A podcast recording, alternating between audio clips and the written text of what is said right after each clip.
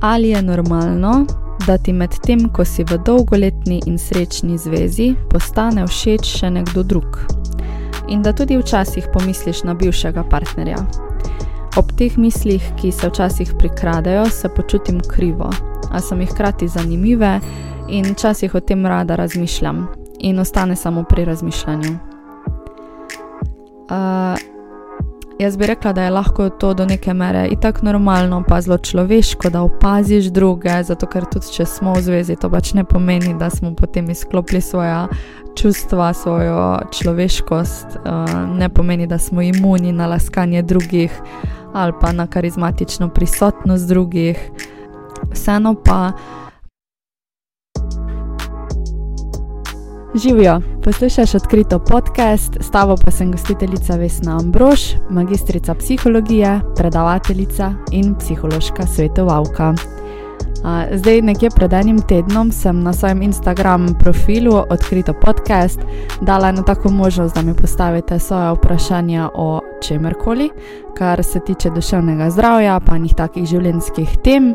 Tako da je danes prvi del tega QA, sledi pa tudi še drugi del. Sem se odločila, da bom vse skupaj razdelila, ker je bilo, jaz sem full vesela, še kar nekaj vprašanj. Tako da danes bom odgovorila na pet od teh, pa še naslednjič na preostale. Zdaj, preden te spustim v tale monolog, bi te pa kot vedno rada povabila k naročanju na ta podcast na bilo kateri platformi, kjer ga trenutno poslušaš. V res veliko pomoč so mi pa tudi mnenja o, o epizodah in pa ocene podcasta, kar mi pomaga ustvarjati te vsebine še naprej. Ti bom pa res iz srca, iz srca hvaležna, če se odločiš screenshotati in pa podeliti poslušanje te epizode na svojem Instagramu. Pri tem pa prosim, ne pozabi označiti z afno odkrito podcast, da te lahko sploh najdem in pa potem podelim tudi na svojem profilu. Pa se kar lotimo vprašanj.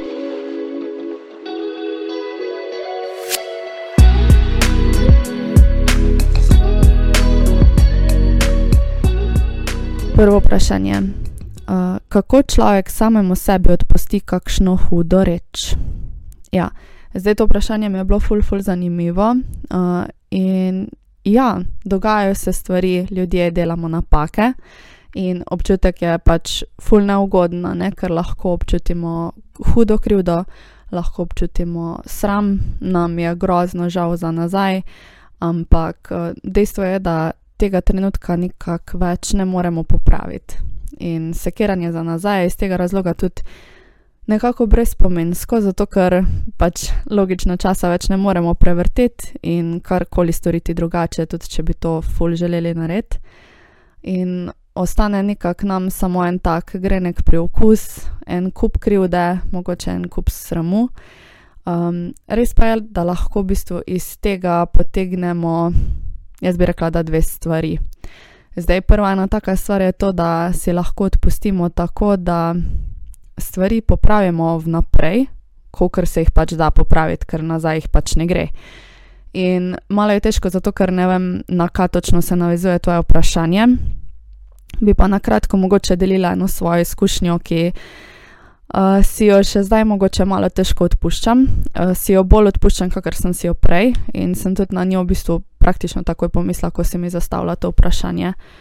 Um, ni pa pri meni niti približno edina taka situacija. Zgodilo se je veliko stvari, na katere pač mogoče nisem najbolj ponosna in mi je za njih ful žal, ampak se pa trudim, da jih potem teh stvari oziroma takih napak več vnaprej ne ponavljam. Uh, ampak kakorkoli, zdaj, če gremo na to mojo izkušnjo, 11 let nazaj mi je v bistvu umrl dedek. In jaz sem bila takrat stara 15 let, uh, imela sem ga res ful, ful rada. In v tistem času smo bili še kot sorodstvo, kot družina, precej povezani. Je imel pa dedi dolgo, dolgo let v bistvu težave z zdravjem, odkar pomnim, je imel pač neke take in drugačne težave. Imel je raka, uh, ki se mu je pa praktično predstavljal, če bi tako rekla, po celotnem telesu. In na koncu je imel še nekako novo nastalega raka, in prognoza pač ni bila dobra. In uh, po njegovi zelo tak, mislim, invazivni operaciji mi je oče potem tudi rekel, da bi bilo ful pametno, da ga obiščem, če, če ga v bistvu še želim videti, ne, ker takrat je bil v umetni komi, stvari pač niso dobro kazale in oziroma najbrž je pač oče vedel, da detko kaže slabo in da je to ena od zadnjih možnosti, da se od njega tudi poslovim. In jaz, ne, namesto da bi po zraku letela do bolnišnice, sem se že v trenutku, ko mi je pač oče to rekel, odločila, da ne grem. In sem iskala kar ene razloge, še zdaj pač kar eni razlogi, ko sploh niso bili resnični. Mislim, da sem nekako na koncu rekla, ja, da sem te dni bila nekako neki prehlajena, pa zato, da zato pač reče ne bi šla, da ne bi dedi še kaj dodatno pokasiral ali kakorkoli, ampak jaz mislim, da ko razmišljam za nazaj, čeprav je že toliko časa nazaj, da to v bistvu sploh ni bila, ni bil en resničen razlog, no pa še sama ne vem, ne vem, zakaj sem takrat na tak način odreagirala, zakaj sem to rekla, zakaj nisem šla do njega. Um, ampak ne vem, enostavno pač nekaj mi ni poslo, da bi ga šla takrat pogledat. Uh, in res je bila to v bistvu zadnja možnost, zato ker je kmalo potem umrl. Uh, in to si v bistvu še danes pač ful, ful težko odpuščam. Imela sem s tem nekaj časa težave, zdaj je v bistvu že malo boljš, kar se tega tiče, ko pomislim za nazaj na to situacijo. V glavnem, zase vem, da če se bo še kdaj pojavila kakšna taka stvar, da bom pač naredila čisto vse, da bi lahko šla do svojega bližnjega, ga šla obiskati, se od njega posloviti. In to je bila ena taka izkušnja, iz katere sem se res ogromno naučila. In zaradi tega me to privede tudi k drugi točki, da če bo v prihodnje podobna situacija, da bom reagirala drugače. Zato, ker vem, da se bom sicer počutila šiti in da si bom ful težko odpustila.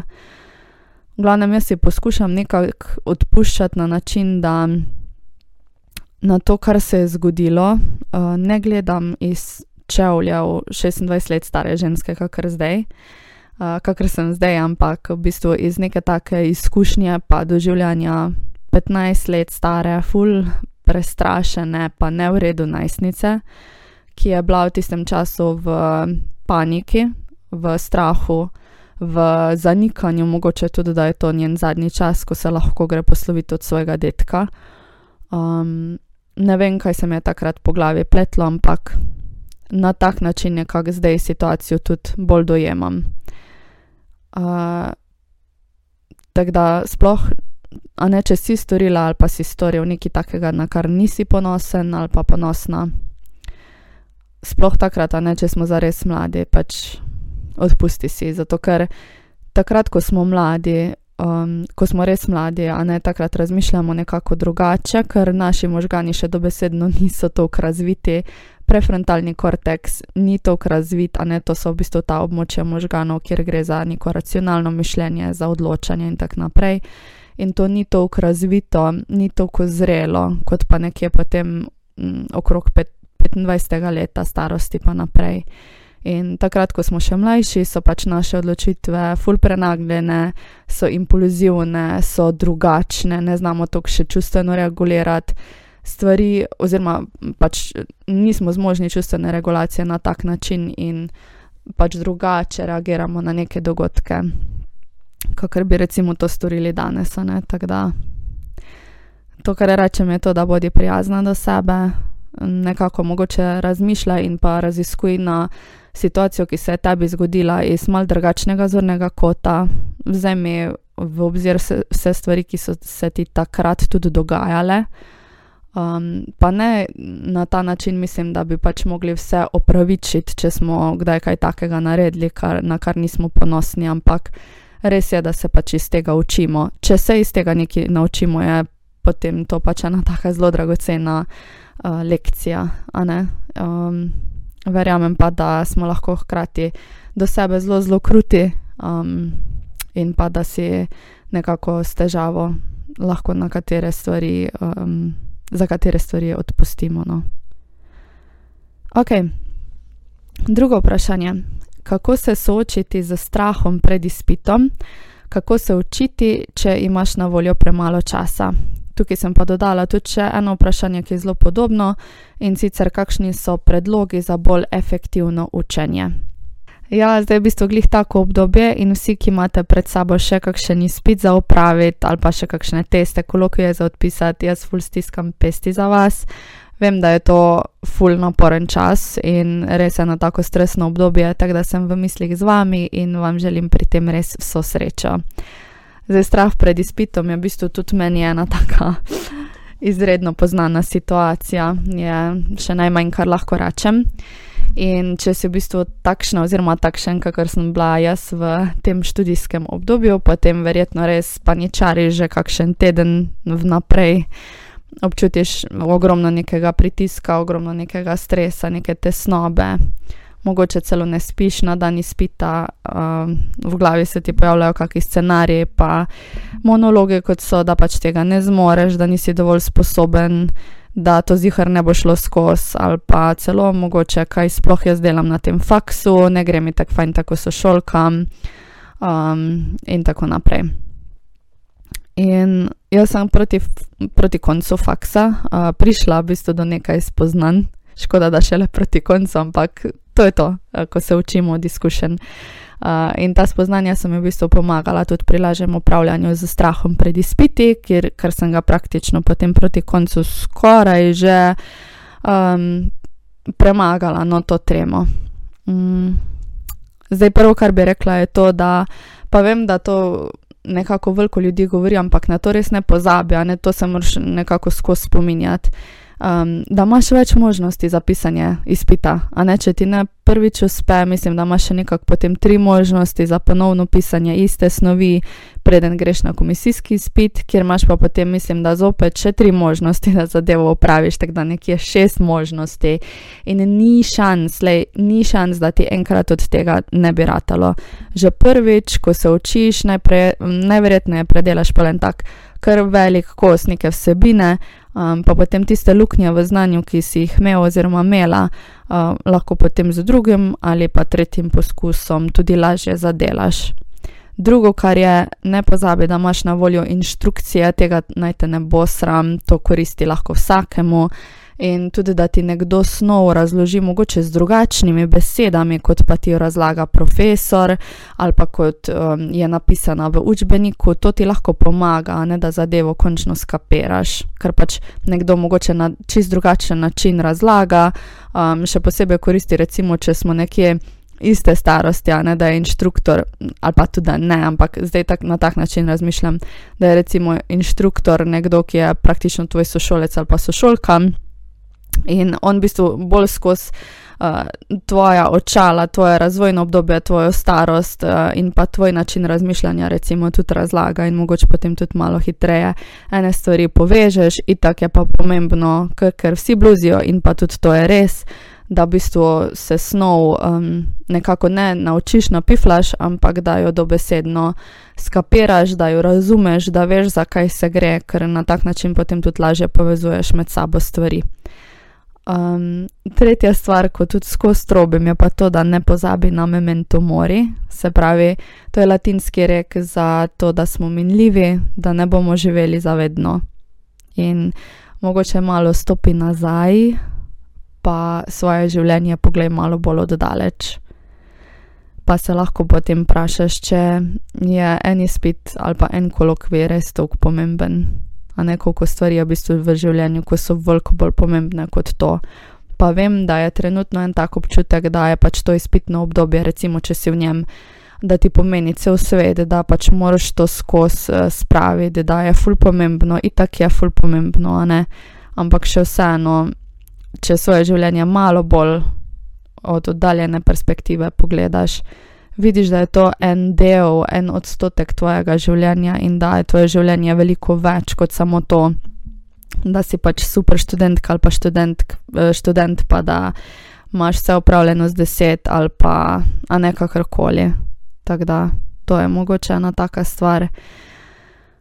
Uh, in pa še en svet, ki je meni ful pomagal, mm, in sem se ga šele praktično malo kasneje naučila in zato se moram zahvaliti v bistvu eni svoji sošolki in pa dobri prijateljici, ki uh, me je malo stežka to naučila, um, ampak je imela vse skozi prav in res je to. Uh, ta nasvet je ta, da tudi med izpitnim obdobjem, ali pač ko imaš tako obdobje pisanja testov, delaj stvari normalno, kakor si jih počela prej. Se pravi, da se ne samo zapreti v sobo, pa se učiti do onemoglosti, ker je noro pomembno, da imaš približno normalno rutino, kakor si imela prej. Um, se pravi, druži se s prijatelji, to je ful pomembno, da se ne zapremo v sobo, pa izoliramo, pa, um, pa ničarjemo, pa nas je strah, pa se učimo do nemoglosti, ampak da smo povezani z drugimi ljudmi, zato ker nas dobesedno prizemljijo. Um, se pravi, pojdi na kakšno kavico, se pogovarjajo o drugih stvarih obkroži se s takimi ljudmi, ki so tako sproščeni, v izi, ki te bodo prizemljili, ker je res enostavno v tem obdobju odplavati v en tak temen svet sekiranja pa stresa. Tako da to ti bo ful koristilo. Um, se pravi, se obdati z nekimi ljudmi, ki znajo pogledati na stvari iz bolj neke take izi perspektive. Ful dobro je tudi, da greš malo ven na svež zrak, pa a ne da greš iz istega prostora, kjer se učiš, to ti bo ful koristilo, da se rekreiraš, vse take stvari, torej neko normalno rutino mej, ne se 10-16 ur na dan učita, ne, ker to v bistvu tudi ni potem na konc koncu učinkovito, tudi če se zdi, da smo se toliko uročili, ker se v bistvu nismo, ne večji del smo. Mm, recimo v prvih nekaj ur, urah učenja naredili, potem je pa še samo neko premljevanje, um, nismo tako sfokusirani, kakor smo bili prej, in v bistvu ne ostajajo stvari z nami, oziroma vsebine z nami, kakor bi si želeli. Uh, zdaj, če se ti slučajno dogaja, da odlagaš učenje, da prokrastiniraš, zato ker se ti pač zdi, oh, kako je za predelati, um, je zelo koristno, da pristopiš k snovi postopoma da te ne vse skupaj totalno preplavi in zaduši dobesedno. Recimo, reči si, ok, danes si bom nastavila štoparco na 5 minut, pa bom res samo za 5 minut pogledala v svoje zvezke za zapiske, v učbenike, da sploh ugotovim, kam me čaka v naslednjih dneh pri učenju. Pa je lahko to za tisti dan čisto dovolj, samo toliko, da malo vstopiš v to, ne? pa potem naslednji dan, recimo, si narediš ali pa še isti dan kasneje si narediš potem, ne vem, štoparco za pol ure, pa si potem še malo več pogledaš. Če imaš s tem recimo zelo težave, je to lahko ena taka učinkovita tehnika. Zdaj pa še mogoče nekaj ostalih nasvetov za efektivno učenje. Uh, v glavnem, jaz prvo, kar bi omenila, je to, da preglej snov, ki se jo imaš za naučiti da malo vidiš, pa da dobiš občutka, koliko sploh imaš za predelati, ker lahko na tak način šele narediš en smiseln plan, na tak način, da boš skozi prišla pravi čas.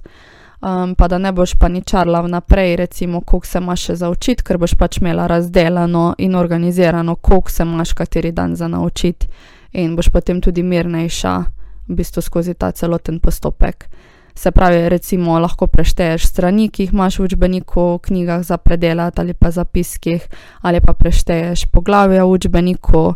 Se pravi, na dan pred izpitom moraš vse to znati, um, in pa lahko potem prešteješ dneve, ki jih imaš do izpita, od današnjega dneva do en dan pred izpitom, in si potem smiselno razdeliš snov na približno enake dele, ali kakorkoli pa če želiš.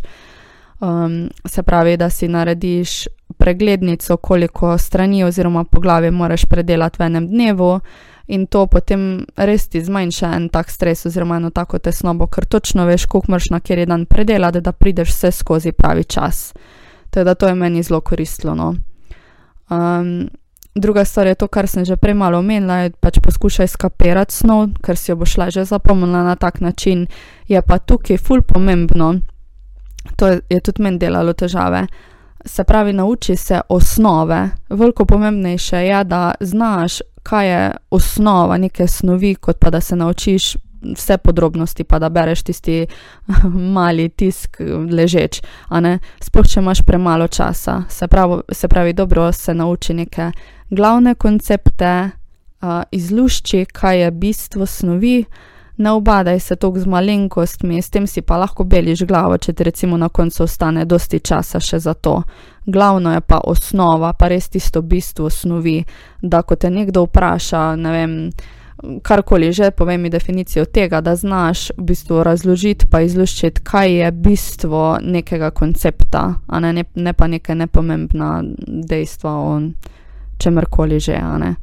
Um, zdaj sem za mimo grede še to spomnila, mogoče to tudi koristi. Um, da, ko se učiš, nekaj recimo prebereš v učbeniku, potem pa stran zapreš, pa poskušaš sam oziroma sama samostojno obnoviti, zato ker sam takrat boš vedela, si snov dejansko razumela. Če imamo mi skozi odprt učbenik, dejansko, ko ponavljamo, malo tudi beremo, a ne itak si malo pomagamo, pa se nam pa zdi, da znamo, ampak v resnici, ko bi prišlo do tega, da bi mi mogli to snov razložiti nekomu drugemu ali pa jo torej dejansko napisati na izpit ali pač povedati ustno, je pa veliko težje, a ne zdaj. Tako da, če se na tak način učiš, da zapreš knjigo, pa da poskušaš samostojno nekaj obnoviti, to ti bo veliko bolj koristilo. Um, zdaj, druge take stvari so pa mogoče samo kakšne malenkosti. To, da itak verjetno vsak zase ve, kdaj je najbolj produktiven, če je to ob jutrih, pa ob dopolednevih, potem je super, da čim prej ostaneš, da se začneš kar učiti, če imaš to možnost, če je popoldan, pač popoldan ali pa večer, se pravi, takrat si pač rezerviraj tisti čas za učenje, ko veš, da ti nekako najbolj gre v glavo. Potem je pa tudi ful pomembno, da si izbereš oziroma si urediš en prostor, kjer se boš tam samo učila, nič kaj drugega ne boš tam delala. Se pravi, ne uči se na postelji ali pa na kavču, kjer si navadno recimo na socialnih omrežjih, zato ker ne boš imela motivacije preklopiti na tisti studying mode, ko se boš začela učiti, zato ker pač tisti kraj nekako povezuješ z drugimi aktivnostmi. Recimo, če imaš navado se učiti na posteli, se lahko večkrat zgodi, da če si ti cel dan na posteli, pa se tam učiš, pa še potem zvečer greš tako spat v posteljo, pač to ni gud, zato ker se lahko zaradi tega tudi pojavi to, da ne moreš zaspati, ne ker posteljo potem nekako povezuješ z učenjem, z budnostjo, z stresom in pač ni ok. Tako da uredi si en tak prostor, kjer se boš samo učila. Um, potem ne rabim tako ponavljati to, da izklopi telefon, ker piskanje Instagrami, Facebooki, vse to te samo moti med učenjem.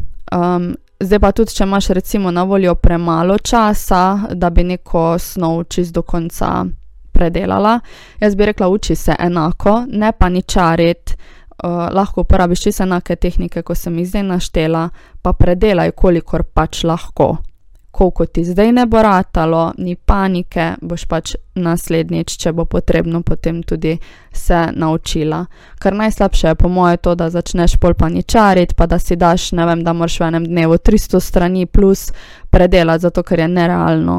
Pač na tak način pristopi k temu, da, kot sem prej rekla, da nekako izluščiš bistvo vsakega poglavja, recimo, ali pa kaj je tisto glavno, kar vsako glavje, poglavje neke knjige, recimo, sporoča, in se pač to naučiš, pa upaš, da ti bojo tudi uh, vprašanja nekako bolj prizanešena. Jaz upam, da ne slišite, ker zuntrobijo, mislim, da se, nekdo, um, da se bo nekdo poročil, ker je sobota. Um, tako da upam, da vas to ne moti preveč. Ok, pa gremo na tretje vprašanje. Kako je anksioznost podzavestno povezana z različnimi bolečinami v telesu? To je ful dobro vprašanje, ne bom pa dan šla v neverjetne detajle, ker je mogoče to celo kakšna taka epizoda, ko bi jo lahko bolj na dolgo in široko, um, pač bi lahko o tem govorila. Tako da bom zaenkrat rekla samo to, da mm, se lahko zaradi tega, ko imamo povišen kortizol, se pravi stresni hormon, se lahko pojavijo različna stanja, različne bolečine. Ne? Lahko se pojavijo glavoboli, bolečine v želodcu so ti verjetno lahko znane, ali pa kakšna vrtoglavica, ali pa recimo eh, take. Čudne, nespecifične, bodeče bolečine po telesu, da te kar nekje skozi pika. Um, se pravi, neke take naše obremenjujoče misli, tesnoba, neki občutki, da smo skozi preganjani, da smo skozi pod pritiskom, da smo skozi v stresu.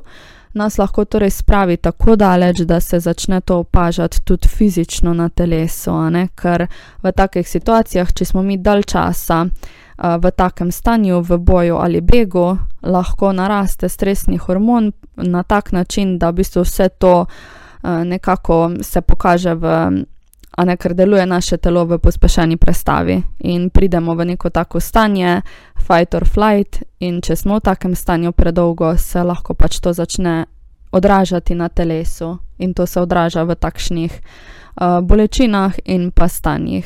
Tako da takrat je pa dobro, da posežemo po kakih tehnikah, oziroma že prej je dobro, ne, če ugotovimo, da smo v nekem takem stresu, sploh če smo že dolgo časa v njem, je zelo dobro, da posežemo po kakih vajah za sproščanje, um, tehnikah sproščanja ne, uh, tesnobe pa stresa. Uh, to bomo pa v bistvu zdaj v naslednjem vprašanju tudi skupaj predelali. ok, se pravi, četrto vprašanje pa je. Zdravo, mene zanimajo vaje za tesnobo, kako se poglobiti vase, da izveš, iz kje izvira. Pa sem pa tukaj še združila eno vprašanje in sicer, hej, kako se posameznik lahko umiri, oziroma si preneha dajati toliko stresa na se, toliko pritiska. Sama sem konstantno pod stresom, ne znam se umiriti, oziroma imam v glavi, da če ne bom pod stresom, mi bodo še, šle vse stvari na slabše ampak mi hkrati ta stres tudi povzroča obilico zdravstvenih težav, kot je glavobol in pa vnetja.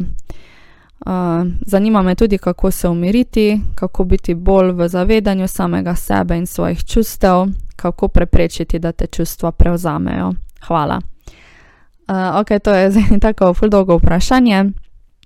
Bom poskušala, kako se da um, natančno tudi odgovoriti. Prvo, kar bi rekla, je to, da lahko vir tesnobe najlažje najdeš skupaj z strokovnjakom z področja duševnega zdravja. Z svetovalcem ali pa z psihoterapeutom, sicer lahko se tega, kakor si omenila, ne, kako se poglobiti vase, da izveš, iz kje to izvira, tega se lahko sicer lotiš tudi sama, sam bo pa lahko težje. Uh, ker če imaš nekoga na drugi strani, ko točno ve, približno, mislim, točno ve, uh, ampak. Um, približno ima razdeljeno, kaj točno te more spraševati, kakšno vprašanje ti mora postavljati, da ti prideš v tisto introspekcijo in prideš do pravih odgovorov, je to veliko boljše, ne, kot pa če to v bistvu nekako naslepo urejaš sama. Zdaj, če si to vseeno želiš pač samostojno nasloviti, lahko pa to narediš na sledeč način, ki se bo pač slišal v bistvu še kar smešno. Sam mi prosim, zaupaj, zato ker meni se zdi, da deluje, mislim, da pri meni deluje, pa je v bistvu ful preprosto. In sicer to narediš na, nasledeč, na naslednji način. Uh, Vzemi si čas, uh, pa bodi itak brez distrakcije, telefona in tako naprej. Uh, v glavnem lahko se kje vsedeš, uh, zapreš oči, ko si nekje na samem, pa si v mislih reči: Ok, trenutno čutim eno tako tesnobo, zanima me, kaj mi je vzbudilo te občutke. To se vprašaš, v mislih se to vprašaš. Ali se je danes kaj takega zgodilo? Ali se mi mogoče kaj takega približuje, da imam take občutke? Ali sem se kdaj že počutila na ta način? Ali imam kakšna obdobja, ko se počutim bolj tesnobno kot drugače? In kaj se takrat dogaja v mojem življenju? Se pravi, ne taka vprašanja si postavljamo. Zakaj sem trenutno tesnobna? Ker postavi si v bistvu to vprašanje, ker navadno nimamo tistega mera, pa tistega trenutka zase, da bi se res pač poglobili v to, pa vprašali, ker navadno pač kar te občutke tučkamo dol, ker pač ni prijetno se z njimi ubadati. In recimo, če občutimo tesnobo, rečemo, ne vem, si rečemo, ok, se bom malo zamotila z glasbo ali pa s čiščenjem ali pa s čimerkoli in pač si nikoli nekako ne vzamemo tistega časa in pa miru, da bi pogledali vas, v bistvu, kaj sploh je izvor te tesnobe. Tako da recimo z takimi vprašanji, ko si jih postavljamo, brez skrbi, da ko si ti postaviš eno vprašanje v mislih, da avtomatsko tvoji možgani začnejo iskati odgovor. Tako da to je ful zanimivo. In recimo, ko dobiš nek odgovor, se lahko potem zopet vprašaš, ok, zakaj pa je temu tako? Pa to ponavljaš. Recimo, bom dala en primer. Zdaj, ko imam v glavi glih izpite, recimo, uh, vprašam se, ok, zdaj se počutim tesnobno. Zakaj občutim tesnobo? Ok, um, se pravi, naslednji teden se mi približuje en pomemben izpit. Zdi se mi, da imam že zdaj malo treme. Ok, zakaj imam tremo? Mm, mogoče zato, ker je snov še kar težka, jaz se pa še nisem začela učiti. Ok, kako to, da se še nisem začela učiti? Uh, ja, dejansko malo prelagam, zato ker me je pač dejansko strah pogledati učbenike, kam me čaka, ker že zdaj vem, da bo ful naporno, pa že zdaj vem, da recimo na tri četrt predavanjih sploh nisem kapirala, zakaj se gre, pa vem, da je veliko snovi. Ok, se pravi, jaz vem, da bo naporno, ampak a je kakšna možnost, da bo jutri lažje kot je danes?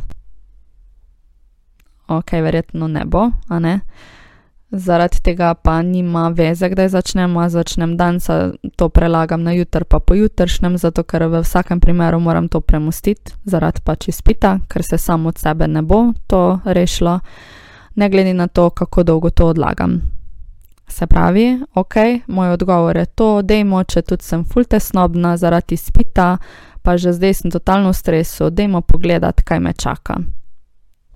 In to je tvoje, se pravi, prišla si do vera neke tesnobe v tem trenutku, ugotovila si, da je to to, in iz tega potegnala potem tudi eno tako rešitev, in to je, da nima veze odlašati, zato ker se itak moramo enkrat začeti učiti, in zato se bomo tudi zato začeli učiti. Um, ja, in se pravi, to je to. Postavljamo si vprašanja, pa počakamo na odgovor, zato ker pride samo od sebe. Lahko pa tudi si zapisujemo to v dnevnik, če nam je lažje. Uh, si pa omenila nekaj ful zanimivega in sicer, da si prepričana, da če ne boš pod stresom, da ti bodo šle vse stvari na slabše. Se pravi, od nekod si dobila to prepričanje, da moraš ti biti v neki taki stalni pripravljenosti, ker če ne boš v stanju neke opreznosti, se bo zgodilo nekaj slabega, ali pa ne boš odreagirala tako, kot bi morala. In jaz sem rabila tudi kar nekaj časa, da sem ugotovila naslednje. In sicer, da sem jaz lahko enako produktivna, tudi če sem umirjena. Wow. A ne? Mind is blown. Se pravi, to pomeni, da jaz tudi, če imam na urniku full ogromno stvari, da lahko jaz lahko eno za drugo upravljam, tudi bolj počasi, bolj umirjeno, bolj sproščeno. Ne rabim paničariti, pa tekati po, po stanovanju ali pa v službi, ko zmešana, zato ker se bodo stvari opravljale, oziroma bodo opravljene čisto enako, če se bom tega lotila bolj umirjeno, ali pa če se bom tega lotila v stanju neke panike ali pa nekega stresa. Res pa je, da imamo včasih lahko občutek, da pač več obveznosti kot je, je to pač povezano z nekim stresom in z neko hitrostjo, hitro moram narediti to, hitro moram narediti ono. Se pravi, lahko neko tako mm, večjo sproščenost dosežeš na način, da se dobesedno prisli, prisiliš, da imaš počasnejše gibe. Ne, ne tuk tekati po stanovanju brez glave, ampak lepo se upočasni.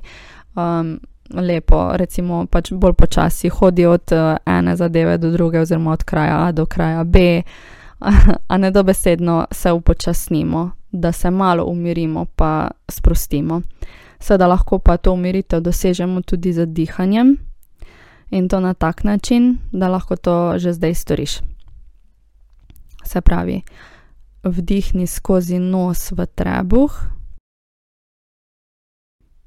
zadrži in naredi daljši izdih skozi usta, tako da izprazniš trebuh. In to lahko večkrat tudi ponoviš. Uh, lahko delaš tudi kratke meditacije. Uh, v moji podcast knjižnici boš našla, oziroma našel 15-minutno meditacijo proti stresu, oziroma tudi je proti tesnobi, ki jo lahko vsak dan upravljaš. Um, zakaj vsak dan? Zato da svoje nekako osnovno telesno stanje, ki je lahko zdaj zelo pod stresom, pa nekako v višji prestavi, a ne bolj tesnobno, spraviš na bolj sproščen nivo. In na tak način se boš tudi lažje spoprijemala oziroma spoprijemal z stvarmi, pa te ne bo vsaka zadeva tukaj spravila iz tera, a ne ker tisti osnovni nivo stresa malo znižamo in zaradi tega se lahko tudi mirneje spoprijemamo z vsemi izzivi, ki nam jih življenje vrže v obraz. Um, zdaj, glede na to, da si zapisala, da imaš tudi zdravstvene težave zaradi uh, tega, recimo, da se ti kaže glavobol in tako naprej. Uh, ti pa jaz tudi priporočam v bistvu obisk strokovnjaka z področja duševnega zdravja, zato ker to so že nekako psihosomatske težave in se jih boš težko rešila sama.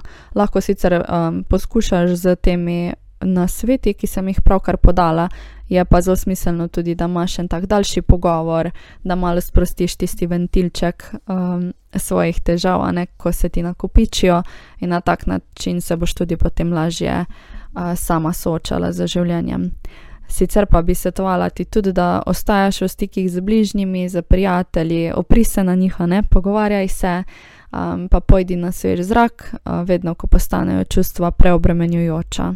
To navadno zelo koristi, da pridemo ven, da malo zadihamo, ker je tudi zvok, je pravzaprav zvok vonjave, um, vizualne okoliščine so zelo drugačne zunaj v naravi, kot pa znotraj. Se pravi, samo pojdi ven z hiše oziroma stanovanja, ne rabiš iti na sprehod, samo pač ven pojdi na svež zrak, ne za neki minut, se malo nekje zunaj sedi, kjer lahko pa boš videla, da ti bo malo lažje. To pomaga, takoj malo pomeri sistem. Ok, uh, in pa še peto vprašanje, no tako zelo zanimivo uh, in sicer ali je normalno, da ti med tem, ko si v dolgoletni in srečni zvezi, postane všeč še nekdo drug. In da tudi včasih pomisliš na bivšega partnerja. Ob teh mislih, ki se včasih prikradejo, se počutim krivo, a so mi hkrati zanimive in včasih o tem rada razmišljam in ostane samo pri razmišljanju. Uh, Ful zanimivo. Jaz verjamem, da je soočanje z temi mislimi, pa s temi občutki v bistvu težko, pa da se ti lahko ob njih prikrade ena taka krivda, tudi če to ostane samo pri razmišljanju. Se pravi, to za me pomeni, da um, ne act on onaš, kako bi rekla, ampak da se pravi, ne reagiraš na te misli uh, na način, da bi zato, ker se ti te misli pojavljajo, ali pa želje, da bi flirtala z drugim, ali pa si začela zopet pisati z bivšim ali kakorkoli. Um, kljub temu je pa seveda občutek lahko malo čuden, ne veš točno odkot prihaja, zakaj se to pojavlja, kaj to pomeni. Uh, in je lahko tako razmišljanje tudi po eni strani malo zanimivo, malo razborljivo. In je neka taka tvoja skrivnost, ki je ne zaupaš nobenemu drugemu. Um, Jaz bi rekla, da je lahko to do neke mere itak normalno, pa zelo človeško, da opaziš druge, zato ker tudi če smo v zvezi, to pač ne pomeni, da smo potem izklopili svoja čustva, svojo človeškost, uh, ne pomeni, da smo imuni na laskanje drugih ali pa na karizmatično prisotnost drugih, uh, zanimivo energijo drugih, ki je lahko zelo privlačna, ne vse to. Vseeno pa imam en tak občutek, da če si že v dolgoletni in srečni zvezi, kakor praviš sama, pa ti dejansko recimo postane všeč nekdo drug, se pravi, te spravi v neke vrste skušnjavo, lahko tudi samo čustveno, tudi, tudi če ne reagiraš na to, ne? ampak te spravi v neko tako skušnjavo, v neka taka razmišljanja, um, tudi mogoče, kako bi bilo z njim. Um, ne vem, kakršne koli scenarije, ki jih lahko imaš v mislih, v povezavi z njim ali pa s kakimi izkušnjami z njim. Um, se pravi, če tudi um, nekako prideš neko mentalno skušnjavo ali pa misliš na bivšega, je torej možnost, ena taka možnost je, da nekaj v tem trenutnem razmerju pogrešaš. Zato, ker sama nekako zapolnjuješ to praznino z takimi razmišljanji, z takimi občutki. Um, recimo, sploh če se soočaš s tem, da, kr, um, da se ljudje menjavajo, ko so ti v bistvu všečane. Um, ali pa da prav iščeš trenutke, recimo, ko bi lahko s kom drugim mal poflirtala, karkoli že to pomeni. Ne? Nekako se, um, se pravi, kaže se en tak manjko v zvezi, oziroma neka tvoja potreba ni zadovoljena na tak način, kot bi morala biti. Um, jaz bi rekla, da mogoče malo razmisli o tem, kaj v tej zvezi pogrešaš, pa bodi iskrena sama sabo. Kaj je tista stvar, ki mogoče manjka, pa jo poskušaj v svoj odnos tudi smiselno, pa konstruktivno inkorporirati. Um, naprimer, zdaj si izmišljujem, če ugotoviš, da imaš en tak pač občutek, da te tvoj partner po toliko letih, ko sta skupaj, več ne ravno opazi, tako te je prej kot neko, ne vem, privlačno žensko, kot neko, nekaj posebnega. Ne? Morda, ne vem, da urediš kak zmenek z njim, da se namerno res tipi topi urediš, da poskrbiš, da te bo res opazil, da te bo zagledal v eni drugi luči, kot te pa nekako zdaj imel. Um, zopet. In smiselno je tudi, da po eni strani, ne, da razmisliš, zakaj sta s tem partnerjem skupaj, kako sta prišla skupaj, pa zakaj si njega izbrala. A ne ti si ga izbrala. In praviš samo, da gre za zadovoljno in dolgoletno zvezo, in to je super. Uh, je pa res, da ko zveza nekaj časa traja, da lahko vse skupaj postane malo samoumevno, a ne ni neke take razburljivosti, oziroma vsaj ni na tak način, kot je bila prej. Um, tako da jaz bi rekla, da recimo razmisli, na kak način bi ti partnerja ponovno izbrala. Se pravi, še enkrat ga moraš že zavestno izbrati, se še enkrat odločiti za njega, ne za koga drugega. Razmisli, na kak način bi lahko to ti naredila. Upam, da je v bistvu to bilo razumljivo. ja, uh, in to je v bistvu to. Prišli smo skozi naših prvih pet vprašanj. Um, upam, da so bili odgovori v bistvu takšne globine uh, in pa takšni, kakor ste jih želeli. Um, zdaj, če ima kdo, ki je že postavil to vprašanje, še kakšno podprašanje, kar uh, vprašajte. Uh, seveda so dobrodošla tudi kakršna koli druga vprašanja. Um, in to je to. Upam, da ste uživali. Uh, lepo bodite še naprej in se poslušamo v naslednji epizodi. Čau, čau!